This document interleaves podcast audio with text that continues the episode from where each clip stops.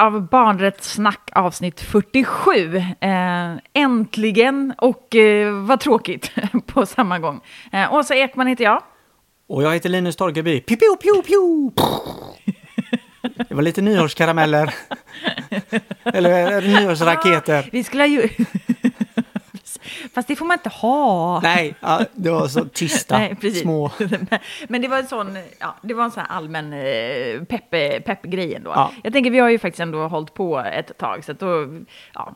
Eh, Det här året är väldigt snart slut. Jag tänker innan eh, vi ska köra igång så är det ju så här att du har ju utlovat en mycket, mycket speciell eh, aktivitet till det här avsnittet.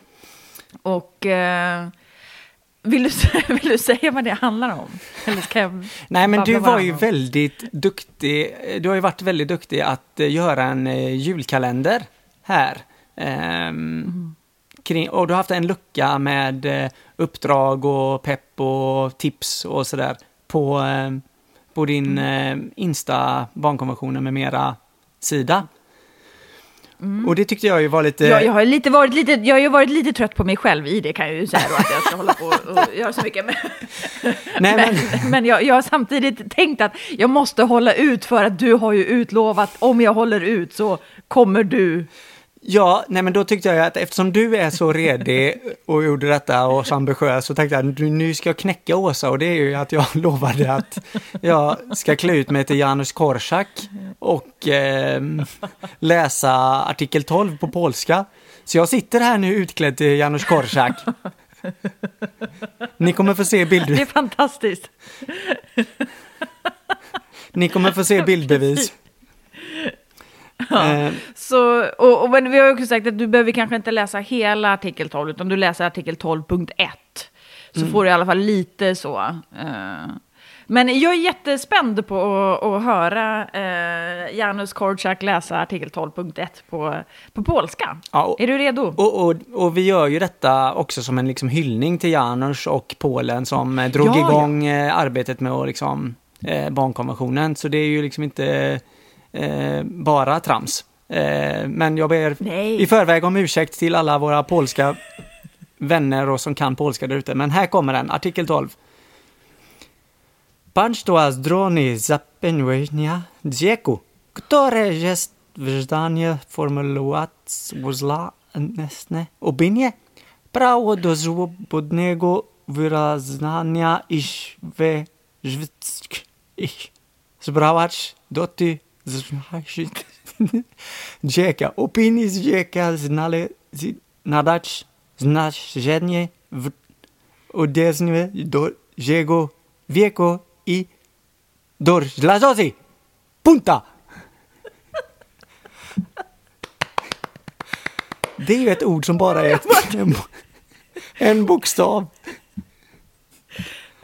Alltså, jag måste ändå säga, jag hade ju ändå texten framför mig här. Uh, jag hade ändå lite svårt att följa med. Nej, det här var väldigt svårt. Uh, men uh, ja, herrarna då alltså, vilket språk. Ja. ja. precis. Jag kan säga så här, jag kan ju ett par meningar på ryska, så jag kan säga åtsen så. Kan jag säga. Mycket bra. Ja. Jag är ändå imponerad. Eh, tack. och det här är såklart Google Translate. Eh, som, så är det så att vi, det blev något fel där, så, så skyller vi allting på Google Translate. Ja, ja, precis. Helt enkelt. Mm. Ja, nej men eh, Janusz Korczak har ju varit, jag tänker vi behöver kanske prata om honom lite mer nu. Han har ju varit liksom superviktig på så himla många olika sätt. ehm, när det handlar om barnets rättigheter. Så det är därför. ehm. men det har ju varit jul, hur har din jul varit? Eh, fin, lite speciell, eh, men ehm, eh, bra. Bra jul. Ja, Allt, ja, allt, ja men, bra. man tänker att det har ju varit väldigt, eh, en väldigt eh, svår jul för väldigt, väldigt många barn, ja. Och, tänker jag. och det tänker jag att eh, livet i familjekonstellationer är ju påverkat på olika sätt och, och det har vi pratat om innan. För vissa känner man att wow, vi har fått luft i systemet för att man kan jobba hemifrån och eh, spendera mer tid. Eh, och för andra så är det en ekonomisk situation som är stressad, pressad och andra saker som tynger på olika sätt. Så att, och det här förstärks ju eh, något så fruktansvärt i juletid. Det vet vi att då sätts ju många relationer på prov och saker bubblar upp med stor, större styrka än vanligt, tror jag. Ja, men absolut. Och jag tänker så här, julen är ju annars generellt en ganska svår period för väldigt många barn. Ja. Um, men då tänker jag att liksom det här året blev det ju ännu mer utifrån att annars så kanske det har varit, säg att du har haft liksom Eh, ett julfirande där det kanske har kommit en släkting eller någon annan vuxen som har varit väldigt viktig för barnet, som har synliggjort barnet när det till exempel har varit kaos, alkohol, psykisk ohälsa, drog. Alltså när det har varit liksom den aspekten så har det kanske funnits någon annan vuxen som har liksom fått stopp på mycket och liksom stöttat barnet i det. Men nu då när det är, har varit liksom begränsningar så kanske inte de vuxna har funnits där för barnen, vilket har gjort att det här har blivit liksom en, en extra eh, utsatt situation, som egentligen hela det här året har varit för väldigt många barn.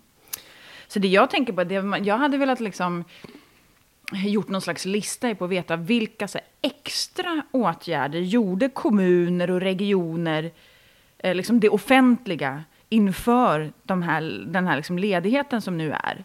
Vilka extra grejer gjorde de utifrån att barn ju faktiskt är mer utsatta under det här jullovet? Ja, för att eh, eftersom många organisationer och föreningar och ideella krafters julfirande inte har fått gå av stapeln, eh, där man bjuder in familjer eller där familjer på olika sätt kan vara eller familjemedlemmar. Eh, och här kan det vara barn som oroar sig för sin morfar som bor på gatan eller vad det är. Liksom. Eh, de är ju inställda också. Eh, så att det kompensatoriska som borde ske eh, undrar man ju om det har skett. Liksom. Eh, det vi har sett är ju att många försöker göra julklappsutlämningar, matkassar och så vidare. Att sådana ansträngningar har gjorts eh, vilket är helt fantastiskt. Men vi vet också att många grejer har stängts ner och man ombeds att ha barn hemma från diverse aktiviteter och, och även offentliga aktiviteter. Eh, så att det är klart att eh, eh, ja, det är, ja, jag håller med dig, jag skulle också vilja se det. Mm, mm. Um, och andra grejer, om jag tänker om vi ska liksom, eftersom det här blir såklart någon form av så här äh, årssummering på något sätt, eller liksom en, ett, det kommer inte vara ett avsnitt där vi pratar om en specifik artikel, utan vi pratar kanske generellt egentligen om det här barnrättsåret eller året. Och um, BRIS kom för ett tag sedan med sin årslista, eh, som de även hade förra året, där BRIS helt enkelt summerar de sökningar eh, som barn har gjort som har lett, som lett till flest klick på, på BRIS eh, hemsida. Mm. Eh, liksom, eh, och den här listan är ju en... Barns sökningar. För liksom, och nummer ett är ju ångest. Nummer två är hjälp. Nummer tre har jag ätstörningar. Nummer fyra, jag mår dåligt. Nummer fem, hur skaffar man, hur skaffar man vänner? Nummer sex, jag vill inte leva. Nummer sju, jag behöver någon att prata med. Nummer åtta, mobbad i skolan. Nummer nio, stress i skolan. Och nummer tio, tips för att må bra. En jävligt tung lista. Ja, alltså jag får ju jag får rysningar i, i hela kroppen. Um, ja, det är fruktansvärt. Eh, det är, eller vad ska man säga? Det, det är väldigt... Det är barns vardag. Och jag tänker också att det här sitter barn ensam eh, på sitt rum eller i skolan eller någonstans och klickar in eh, det här och, och ehm, kommer upp det här.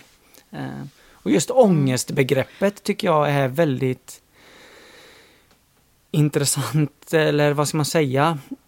Det jag tolkar det som är ju att man känner någon slags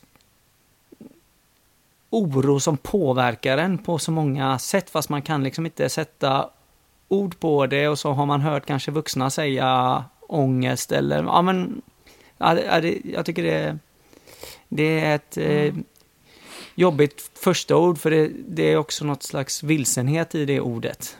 Eller mm. ja, någonting man inte kan ta på och det känns jobbigt. Mm. Ja, och just det här ångest och det ordet har liksom ökat jättemycket. Om de jämför då med förra årslistan eh, så har ju liksom ångest sökts väldigt, väldigt många fler gånger än vad det har gjort innan. Och det, det de liksom istället ser då, som BRIS beskriver, är att nu de här, här, olika sökningar som handlar om problem i skolan, till exempel mobbning, den har sjunkit väldigt mycket i jämförelse med liksom, eh, förra året. Och de tänker att det här har liksom såklart konsekvenser, eller är ju en, liksom, en effekt av den här pandemin. Men samtidigt så tänker jag också liksom, ja, men jag tänker det, det här visar ju samtidigt på hur jäkla viktiga vuxna är för barn. Och att vi inte kan liksom luta oss tillbaka, utan det är snarare liksom att ju längre den här pandemin pågår eh, så måste vi ju göra ännu mer. Och direkt, vi kan ju liksom inte sluta direkt när den här är över, för barns mående försvinner ju inte bara sådär, liksom, för att pandemin helt plötsligt liksom inte finns. Utan det här måste ju fortsätta, för det här får ju konsekvenser för barn på så himla liksom, lång sikt också. Mm. Och, och, ehm, och jag tänker att eh, det här med när vi gör den här årssummeringen. Jag kan känna att det här året har ju varit så himla långt. Känner du det också eller? Att det har varit ett långt år? nej.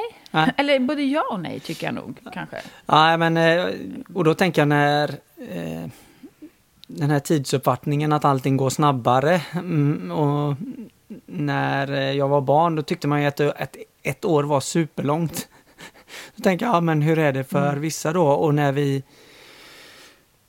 Ja men den här känslan att, ja men när kommer framtiden? Det kommer aldrig ta slut. När ska allting bli som vanligt igen? Eller, eh, alltså det här att mota mm. det här med framtidstro och hopp eh, tror jag är jätteviktigt eh, på något sätt. Mm.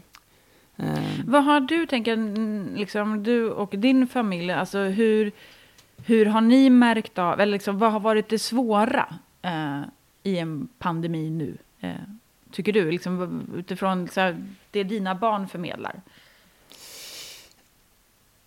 Ja, men det svåra är väl faktiskt ändå att leva i den här dubbelheten att eh, vissa delar är som vanligt, skolan, eh, och sen så är andra delar inte som vanligt. Eh,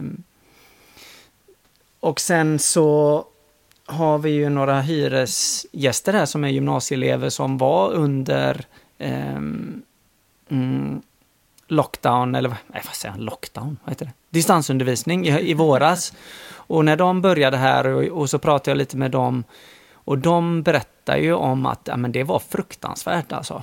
Alltså det var fruktansvärt att vara hemma och de var faktiskt på riktigt, eh, ja, men vad ska man säga, rädda eller oroliga när det blev igen nu då distansundervisning och de skulle flytta hem då. Eh, och det här när det kommer tillbaka, alltså den här andra vågen som vi pratar om.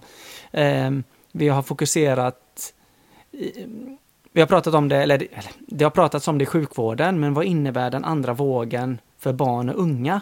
När man på något sätt känner att nu gick vi upp och fick luft och sen så kommer det tillbaka. Alltså apropå det här med att ångest är det högsta ordet. Där tänker jag andra vågen, för barn, vad är det?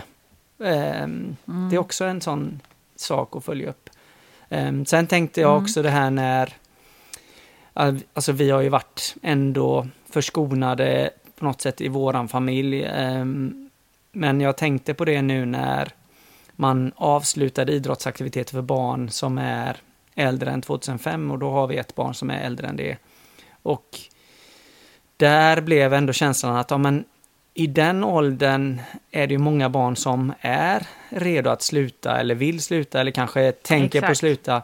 Så att risken att eh, begränsa deras ungdomsaktivitet, alltså åldern 15 till 18, eh, är ju kanske värre än för ett barn som är eh, 6, 7, 8, för de ligger ändå inne i så mycket aktiviteter och man börjar nytt och man testar det ena och det andra. Men när du är 15, 16, då har du kanske några specialintressen som du är i och tappar du dem, då kan det ju bli så att du tappar en stor del av din eh, sociala kontext eller din, eh, ditt idrottande eller ditt kulturutövande eller vad det är man gör.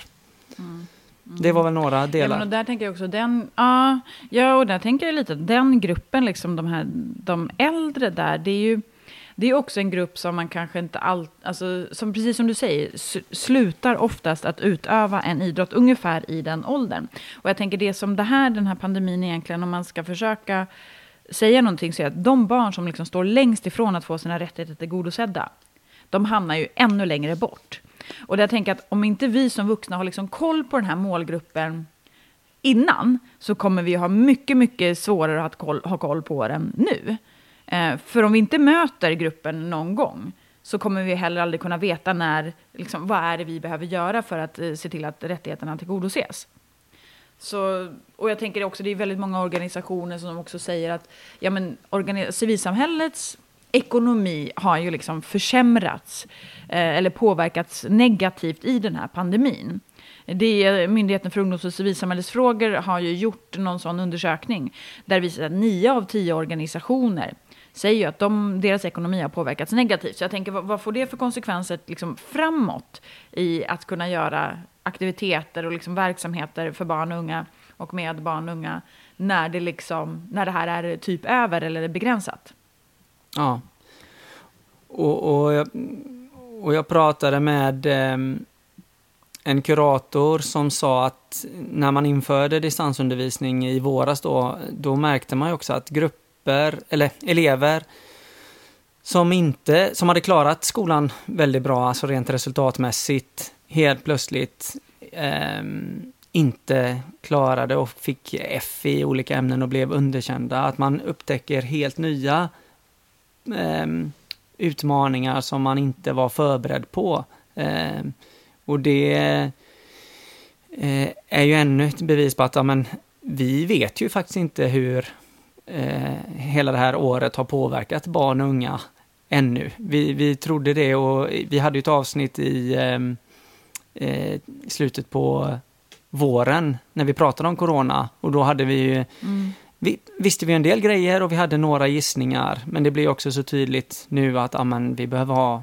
ännu mer uppföljningar på detta, liksom, som du säger. Och speciellt för de eh, eh, barnen som var längst ifrån på olika sätt. Hur mycket har de egentligen mm. missat av skola, utbildning, eh, ja, rörelse och så vidare? Mm. Ja, och, och, det avsnittet som vi hade i våras, där pratade vi allt ifrån om att så här, leka corona, vi pratade om att barns liv inte är på paus, även om allt annat är på paus. Eh, vi pratade också om barnrättskommitténs liksom, rekommendationer eller ställningstaganden nu då, liksom, till staterna i den här pandemin. Att inte bara se konsekvenser för barn, utan också se konsekvenserna det här får för rättigheterna. Och att vi kan liksom inte skita i att tillgodose rättigheterna för att det är en pandemi, utan det är snarare än viktigare att vi säkerställer rättigheterna. Um, så, så, det, så, vi pratade ju en del om det då, men en grej som vi nämnde då i våras var ju också att just precis då hade Uppsala universitet ute, liksom, eh, de samlade in barn och ungas röster. Och vi kanske bara ska säga några grejer om den studien. Mm. Tänker jag. Um, för det de sa, de hade väl pratat, eller pratat, eh, det är en, en enkät med, och det var ungefär tusen barn och unga i åldrarna 4 till 18. Där de då, det här var ju som sagt gjort i våras. Och där barnen hade helt enkelt ja, men delat sin oro och sina tankar och sådär. Och, och det var ju såklart väldigt många barn som hade olika former av oro. Och det var ju den vanligaste formen av oro var oro för sjukdom eller död. Där de yngre barnen var mer oroliga för det än de äldre barnen. Men sen är också att det som den här undersökningen lyfte var ju också om barn och unga kunde se liksom även några positiva saker med den här pandemin. Eh, eller liksom vad de såg för liksom, vilka förbättringar det hade medfört. Och, och det jag tänker, tycker är, är bra är att eh, Ja, men det, de säger att man gillar också mycket av, mycket av den här sociala förändringen. Eh, att det kan och klimatförändringarna. Alltså att det var det de såg som positivt. Att vi påverkar nu inte klimatet negativt på samma sätt som vi gör annars. Men, ja, men man pratar mycket om liksom att förskola och skola fortfarande är öppna öppet, att det är liksom lägre krav liksom rent socialt. Att det kan vara lättare att få vara hemma, man får mer tid med många vuxna, slippa den här närkontakten. Det blir inte liksom lika många aktiviteter som du måste vara med på, utan du kan ha faktiskt, ja, du kan lära dig nya saker, du slipper kanske pendla. det blir liksom lugnare. Eh, många också tycker att distansundervisningen har varit bra. Eh, att det också att det blir en bättre sammanhållning kanske i familjen, att du umgås mer. Och eh, att du får ha också mer tid utomhus. Det var några av de sakerna som liksom, de lyfte som, som positiva aspekter. Mm. Står det någonting om det här med kontakten med eh, eh, mor eller farföräldrar eller uh, andra vuxna ja. som man inte får kontakt med på grund av att de är i riskgrupp? Eh, Ja, och det är ju såklart, det är ju barn som beskriver att liksom, far och morföräldrar har gått bort till exempel och att du inte då fick vara med på begravningen mm. till exempel. Och det är klart, det är ju jättesvårt för, för många generellt att inte få, få liksom dela den sorgen i, i alltså, eller dela den typen av stund. Liksom. Eh, så det är klart att det är många som också har beskrivit att det är tråkigt och ledsamt att inte få träffa eh, anhöriga eller liksom släkt. Eh, ja. Helt klart. För det kan ju också vara de som är de absolut viktigaste för väldigt många barn. Ja, det vet jag att vi har pratat om i något Eh, annat avsnitt här när vi pratar om utökade familjen och släkten eh, som liksom lyfts fram i eh, barnkonventionen. Och det känns ibland så här, ja men så är det ju inte riktigt i Sverige. Men jag tycker att corona har också visat att ja, men så är det ju faktiskt för många familjer att precis som du säger att det finns personer, och det kan vara mor och farföräldrar eller grannar eller vem det nu än är, som är oerhört viktiga för eh, barn. Och det tycker jag eh, ja, är också någonting som behöver lyftas fram.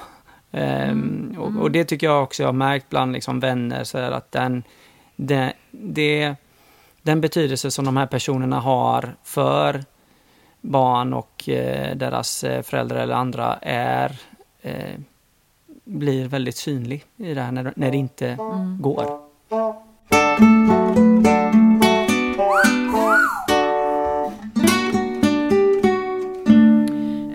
Jag har ju förmånen att få hänga med min Stora Dags barn och ungdomsråd emellanåt. Mm. Min Stora Dag är ju en organisation som uppfyller önskningar för, eller drömmar för barn som är, har allvarliga sjukdomar eller diagnoser. Och det här barn och ungdomsrådet tror jag har nämnts några gånger innan. Ehm, men de är i alla fall, liksom, ja, men de ger ju förändringar och förbättringsförslag på hur Min stora dag kan bli bättre som organisation. Och vi lyckades ju faktiskt ha en träff i oktober innan liksom, eh, det stängdes ner det mesta igen. Och, och jag tänker att de har, med, har några tips till liksom, till kanske andra barn och unga. Så där tänker jag att de vuxna som lyssnar får gärna, kan ju förmedla det här då också. Eh, och det de säger, det är väl egentligen framförallt fyra grejer. Och det de säger är också att till barnen, så men bara för att du själv hör mycket information så behöver det ju liksom inte vara farligt för dig eller för dem runt omkring dig om man då följer restriktionerna. Och de säger också, tänk efter, håll avstånd, tvätta händerna. De säger också att ja, men, lita på er själva. Och om ni inte vill gå för nära, ta hjälp av någon vuxen så att den exempelvis inte behöver gå in i affärer eller vara där det är mycket folk. Och om det är svårt att säga nej till kompisar, eh, om att liksom göra saker då som inte känns bra, så, så kan en ju då istället komma med förslag som känns okej för, för en själv, så att man inte behöver bara säga rent nej. Utan till exempel fråga om man kan göra aktiviteten utomhus, eller om det går att dela upp vid flera tillfällen, så att man inte är lika många.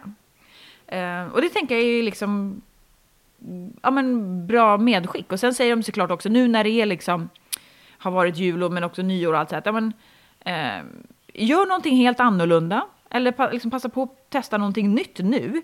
Eller så gör, om man känner att man vill behålla det här gamla, så fortsätt fira fast den gör det på ett annat sätt. Och kör Facetime eller liksom andra så här, koppla upp er på olika typer av videogrejer och eh, häng med varandra det. Alltså fira jul och nyår digitalt. Det behöver liksom inte betyda att vi stänger ner allting, utan gör det man kan göra digitalt för de som kan det. Ja, och här tycker jag att det är ju också så att, och det tycker jag, tänker jag på, på deras råd, att många barn tar ju ett ansvar och ibland lite för stort på sig i, i den här liksom pandemin. Att, att vi pratade om det i förra avsnittet, men då var det liksom inför studenten och sådär och vad man inte får göra. Men det faktiskt, finns också många barn som går runt med en genuin oro och, och anpassa sig. Jag, jag tänkte på en, ett av mina barn sa häromdagen, bara, men jag har inte haft hemma kompisar här på en och en halv må en månad eller vad det var. Och det är ingenting som vi direkt har sagt att nej men det får du inte. Men, men barnet självt har tagit det ansvaret på sig liksom. Eh, och det tänker jag, så är det också väldigt mycket att det finns många mm. barn som går runt och eh, som de hade punkt ett där, bär på all den här oron och informationen som kommer ut och reglerar sitt liv i onödan, ibland för hårt. Eh, men också med mm. en genuin rädsla för andra i deras omgivning och vill ta ansvar mm. för att följa rekommendationerna. Och det är ju både fint men också ibland jobbigt att höra på något sätt att, att så är det för barn faktiskt. Mm. Och det jag tänker, det som också som eh, Barn och ungdomsrådet berättade var ju att de vill gärna se att skolorna är lite mer välvilligt inställda till olika former av anpassningar även efter. Eh, för flera av de här eh, är liksom tillhör en riskgrupp eller har på, på olika sätt eh, har liksom, i vanliga fall har ganska mycket frånvaro utifrån att det är liksom mycket tid på sjukhus eller att kroppen inte liksom orkar och att behöver återhämtning och vila på ett helt annat sätt.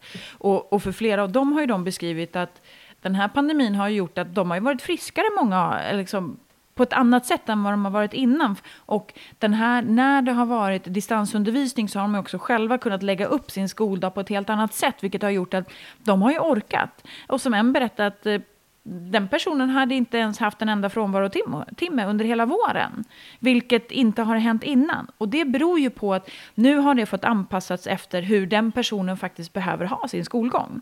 Och den personen hade också då haft ett samtal med med sin rektor och sina lärare utifrån att vilja ha lite mer distansundervisning även eh, under den här hösten, även fortsatt. Att inte liksom alltid, men att kunna ha eh, vissa dagar där det är så. Men där skolan bara säger tvärnej. Vilket jag tycker är helt vansinne. Ja, och det är ju... Apropå den här studien från Uppsala universitet. Hur ska vi kunna ta tillvara på alla de här positiva effekterna som det faktiskt har blivit. Eh, både för, ja, som du berättade här, enskilda, enskilda barn, eh, som, men också för i själva livstempot eller ja, generella gruppen eh, eh, barn. Och där kan det skifta eh, hur, det ser ut på olika platser. Um, Mm. Men jag tänker just den här normen kring mm. att ha många aktiviteter och hur tid man ska börja och hur ofta och sådär. Att nej men, det räcker faktiskt att ha en aktivitet eller två eller och föräldrars prioriteringar är väl också en, en eller föräldrars möjligheter att precis som det här barnet som du beskrev, att kunna anpassa sitt arbete eh, i möjligaste mån efter det eh, som passar barnen. Mm. Eh, jag tänker, nu blir det liksom ganska, jag tänker om man ska lyfta några positiva saker. Det jag tänker som det här halvåret som har gått, sen vi spelade in eh, förra avsnittet eh, med, med det här, så tycker jag ju att en positiv aspekt är ju att man har sett lite fler presskonferenser riktade till barn. Mm. Alltså fler, mer information riktat till barn.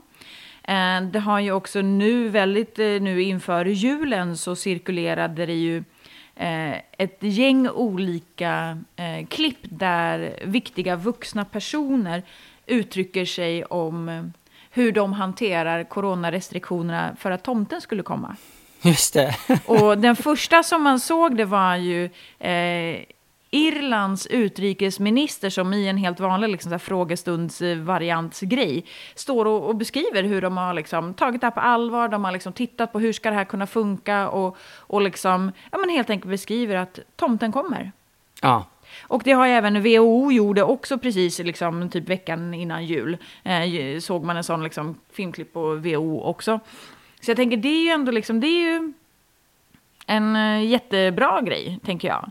Um, och att det är fler och fler som fattar att de behöver ha liksom, eh, olika former av digitala fritids och kulturaktiviteter. Även om det kan vara exkluderande för väldigt många barn så tänker jag ändå att jag tycker ju att eh, det finns positiva saker som folk har gjort som man, jag hoppas att de fortsätter göra även efter eh, pandemin. Ja, absolut. Det, mm. det tycker jag. Mm. Mm. Men jag tänkte så här, jag funderar på om nu, det, liksom, det, det hör ju till, till saken att den ska göra olika så här årsbästa listor och, och lite sånt där. Ja. Och jag tänker det är någon som vi lite har saknat eh, under det här. Det var ett tag sedan. Jag tänkte, ska vi inte ringa Gunnar? och höra hur han har haft det. Han kanske har några så här, eh, liksom barnrätts bästa och barnrätts sämsta med det här året. Vad tror du? Eh, Ska vi göra ja, det? men vi kan la kolla. Han, han har väl kanske varit på kommunens julbord här nu precis, så att det kanske är, han kanske är, är check och glad och trevlig. Men eh, Ja, precis. ring du upp.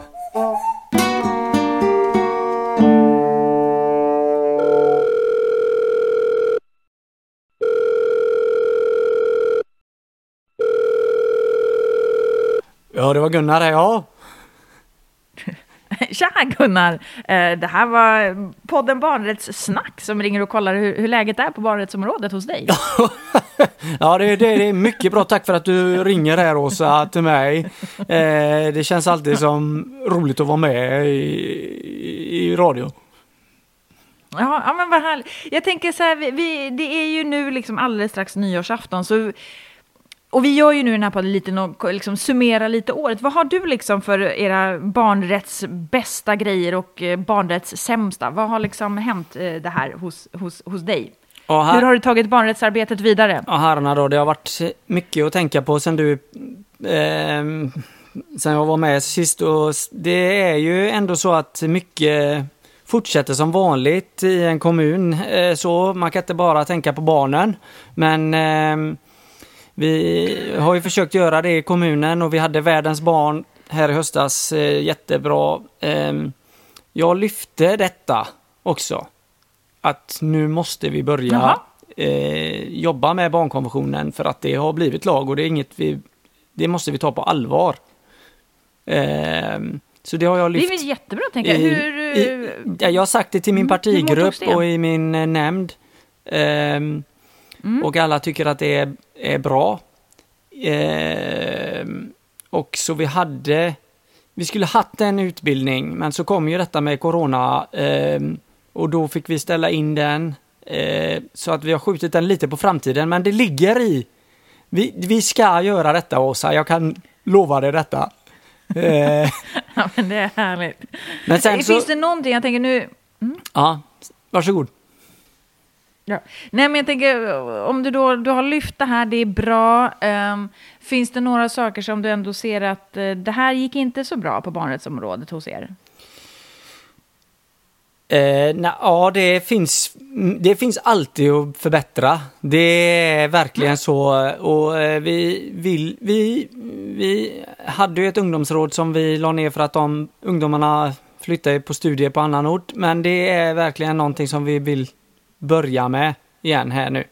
Eh, så vi får hoppas att det blir några intresserade som kan komma till oss här när vi har eh, lagt ut en annons här i lokaltidningen om detta. När det blir bättre tider. Eh, Mm. Så vi kan trä- träffas. Ehm, ja,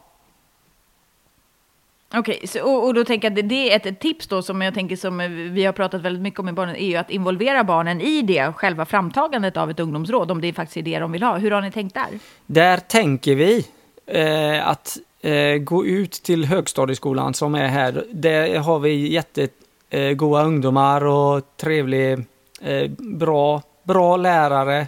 Så att där kommer vi försöka göra detta. Och tack för att du påminner mig om detta, att man ta, eh, gör detta först. Här är vi ju snabba att springa iväg, vi politiker, det vet du. När vi får upp en idé då vill man gärna sätta sin prägel på det och sådär. Och det är, jag ska försöka bli bättre på detta.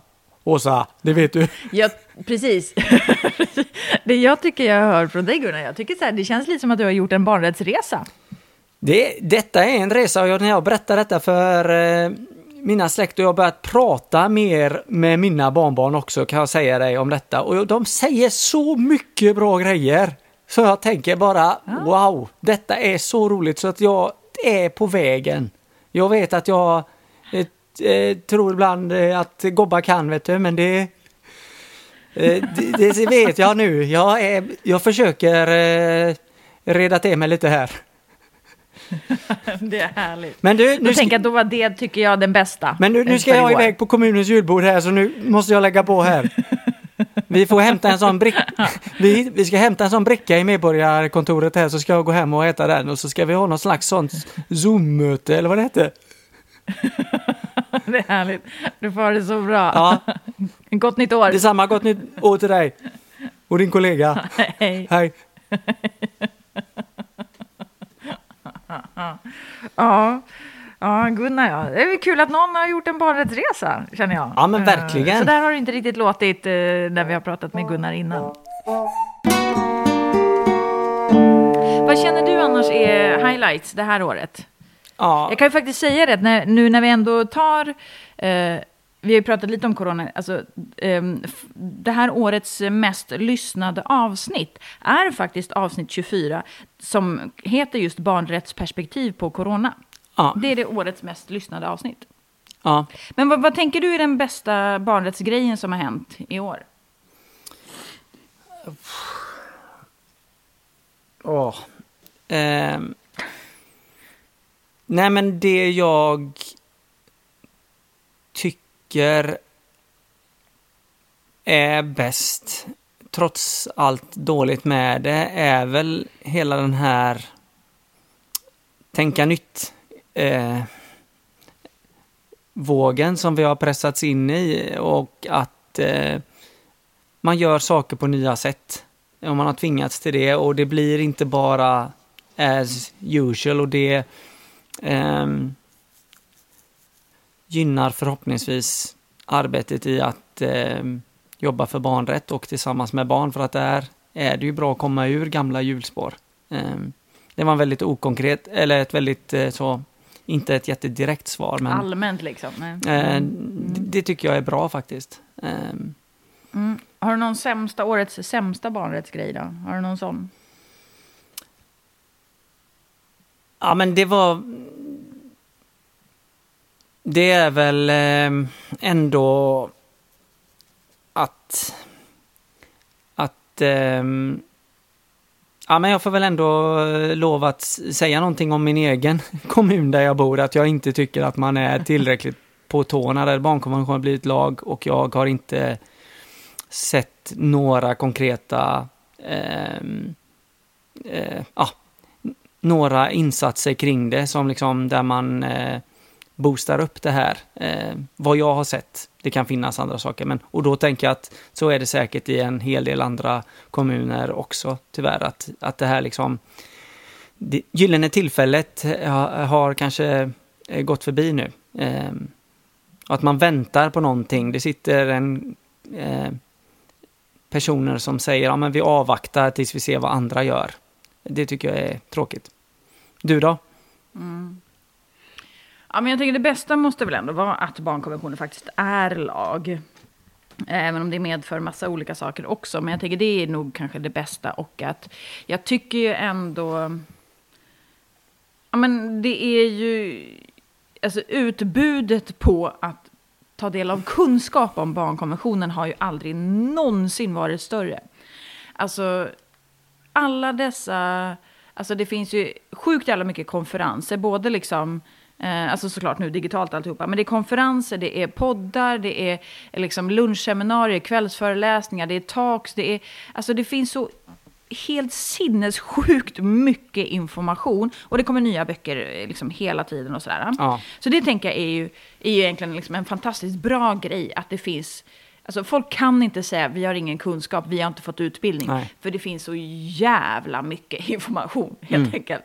Det tänker jag är liksom bra. Det dåliga tänker jag såklart, ja men såklart liksom corona, den här pandemins påverkan på barn och barns eh, rättigheter. Eh, en annan dålig grej som jag tänkte på är ju, nu har jag faktiskt inte sett hela, eh, vilket kanske är lite vanskligt att säga, men jag, jag vågar ändå lite utlova att det faktiskt är en jävligt pissig grej generellt, tänker jag. Men eh, den här, eh, jag har bara sett ett avsnitt av Våra barns hemliga liv. Ja. Eh, det måste jag nog tycka är nog en av de absolut sämsta grejerna i år. Och jag blir nog bara förbannad om jag går in på det, så jag säger nog bara det. så, och det jag tänker också, som jag tänker lite så här. ja, men jag, jag tror att jag blir, ja, men jag blir bara så jävla förbannad om jag börjar prata om det lilla jag såg. Eh, men det som jag tänker som, eh, som jag sa ju samtidigt att den bästa grejen är att det finns ett sånt enormt utbud på information om barnkonventionen och barnets rättigheter.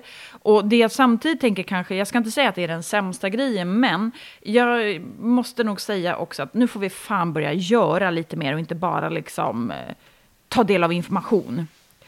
För att med en, all den informationen, så jag tänker lite så här att nästa år kan inte folk bara här, ha ett löfte om att ja, men vi skiter i en av konferenserna så gör vi lite grejer istället. Ja, jag Um, instämmer. Det, det, det skulle jag vilja säga. Liksom. Och jag, tänker, jag har ju alltid så sagt att ja, men man ska lika dela strategisnack som verkstad. Eh, men efter det här så måste jag nog säga att jag skulle vilja säga att ha lite strategi, lite snack och en jävla massa verkstad. Ja, ja. För det behövs liksom.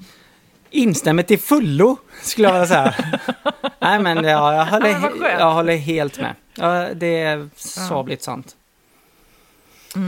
Och då tänker jag, då kommer vi lite in på, eh, tänker jag som lite avslutning det här med eh, faktiskt nästa säsong. För nu tänker vi att vi tar paus till typ februari. Och eh, börjar liksom, och, och, och då, nu har ju vi liksom ägnat eh, nästan 50 avsnitt åt att prata om specifika artiklar i konventionen. Och våran plan har ju liksom, när vi då till slut bestämde oss för att köra ytterligare, att inte bara ha en uppstartspodd inför att konventionen blev lag, att faktiskt prata också konkret om hur det här omsätts och hur, hur folk gör och har, har gäster. Så, så, så jag tänker, det är ju också det vi vill göra, att även om liksom vår podd heter Barnrättssnack så vill ju vi att den inspirerar till folk att göra. Och därför så tänker vi att nästa säsong kommer ju vara fokus på människor som gör olika saker kring barnets rättigheter. Um, tänker jag. Ja, så att vi också Och blir... då vill vi eh, upp- vi bombar också in i verkstadsdelen här. Vi ska försöka leda Mm. eh, med gott exempel. Och så vi vill ju någonstans också få er att eh, så här, skicka in frågor, kanske förslag på gäster. Vilka områden är det ni skulle vilja att man får liksom veta? Alltså, finns det en specifik artikel? Typ hur jobbar någon med artikel 8? Eh, eller hur jobbar någon med artikel 3 om barnets bästa? Alltså, skicka in det där eh, så att vi kan liksom också börja leta på gäster och liksom vi kan fördjupa de delarna och liksom prata, ja, men hur får vi verkstad på saker och ting till exempel. Ehm, så, så det vill vi, eller kanske är det områden som ni vill att vi ska så här, barnrättsgranska typ. Liksom. Ja, verkligen. Nej, men, ehm, ja, barnrättsgranska ett område tillsammans är väl ett eh, jättebra ord. Sen har vi fått in lite, sen vill vi gärna ha tips om hur vi, hur vi blir bättre. Jag, jag har ju, jag tänkte jag kan avsluta, jag har ju en, en Sandra i mitt liv som är en person som eh, Ja, men så här, hon hjälper mig med massa, massa olika saker på väldigt många olika sätt. Eh, till exempel, hon är både ibland min kommunikationschef, ekonomidirektör, revisor. Eh, ja, hon är typ allt eh, många gånger, vilket är väldigt, väldigt skönt att ha en sån person i sitt liv. Och, och Sandra har ju då gett oss lite tips på, på hur vi kan bli bättre på podden. Ja, Och, eh, vad har hon sagt? Eh, mm. Precis. Ja, hon, eh, hon är helt förundrad över hur kan det plinga så jävla och ringa så jävla mycket i våra telefoner under tiden vi spelar in. Det är den ena grejen. Så det är ju en, en fråga och bara tipset är ju då ha telefonerna på liksom stör ej. Ja. Jag ser din min här nu. Då kan Sandra gå och hämta eh, mina barn som har magsjuka då på eh, förskolan. Ja, ja, nej men det är väl bra. Ja. Sen, sen har hon också sagt att "Ja, men vad fan, nu får ni sluta inleda med era för och efternamn. Okej. Alltså, hon menar på att det är ju väldigt tydligt vad podden heter. Det står ju till exempel på alla ställen står det tydligen barnrättssnack med eh, Åsa Ekman och Linus Torgeby. Ja, Och vi säger det. Och hon sa att det kanske inte är så förvånande för folk att veta vem som är vem. Liksom. Nej, nej. Eh, alltså, så, så, så det tycker hon att nej, men nu, nu kanske det är dags att eh, lägga ner det där. Ja. Typ. Eh, så, vi behöver inte säga det varje gång. Eh, hon tycker också att eh, jag ska sluta säga hela tiden att jag inte har något minne. Hon bara, det fattar vi, det är jävligt eh, tröttsamt att höra att du säger det hela tiden. Så typ, ja, vi fattar det. Du behöver inte påminna oss om det. Eh, så. Så, så det ska jag försöka att komma på. Eller komma ihåg att jag inte ska säga. jag håller ju på med eh, en terapeut. Men hon säger, Jag tar hjälp av eh, en av våra största fans, din mamma, för att eh, liksom rota fram ditt minne genom eh, vårat eh, Instakonto där du får lägga upp gamla bilder. Så vi, jag har Precis, ju... det är alltså inte jag som har dem. Ja, va, ja, Nej. Och slutligen så säger hon också att eh, vi ska liksom inte försöka hasta igenom eller inte så här, be om ursäkt för de gånger som vi kanske är lite mer personliga och berättar saker. Eh, hon säger att det är ju faktiskt också väldigt intressant att höra om er som personer när ni resonerar om saker och ting. Det måste inte vara så här, eh, liksom, faktaspäckat exakt hela tiden, hela tiden. nej. Så. Så det var Sandras tips. Jag tackar alltid. Så jag tycker Sandra är, är bra på väldigt, väldigt mycket och det är väldigt tursamt att den har en Sandra i sitt liv. Ja, men precis. Jag- Jag får ju också sådana inspel. Att jag ska sluta eh, göra det ljudet alltså. eh. Nej men, eh, Jag kommer fram till det. Ja, mm. nej men jag verkligen. måste och, sluta och säga har li- ni, liksom. ja, och, ja. och där tänker jag att har ni eh, tips till oss och tankar och åsikter eh, så, ehm, så, så, så kommer de. För att vi vill ju göra det här tillsammans med er för att det är ju ni som eh, på olika sätt förverkligar barns rättigheter där ute. Det är ju inte en podd som gör det liksom. Liksom, så liksom. Exakt. Ja. Eh, så Men skicka förslag på gäster, ehm, tankar, åsikter. Områden. Ja. Eh, och vill ni eh, att vi ska komma eller på något sätt, eller vill ni stötta oss eller någonting på något sätt, har ni idéer så är det bara att höra av er till oss, eller hur? Ja, och vi har ju ett Instagramkonto. Eh, ni hittar det om ni söker på barnrättssnack. Och vi har också en mejladress, eh, barnrattsnack.gmail.com. Och vi Mm. avslutar med att tacka också våran fantastiska klippare Robin som går i trean på gymnasiet. Robin. Han gör sin sista termin här. Eh, Shoutout till dig Robin och sen eh, tack till Jakob som har gjort eh, gingen och Anna-Karin och Frida som har hjälpt oss med foto och grafik. Eh, Jättefint. Och så gott nytt år på det. och tack till er alla där ute. Utan er hade vi inte haft den här podden. Eh, ni är bäst. Gott nytt år Åsa. Verkligen. Gott nytt år Linus. Och eh, vi får väl se på vilket språk du ska inleda nästa säsongs podd. Vi får fundera på den över ledigheterna. Ja, precis. Då blir det Lingala, artikel 1. ja, tack så mycket. Hej då. Ja. Hej, hej, hej, hej, hej, hej.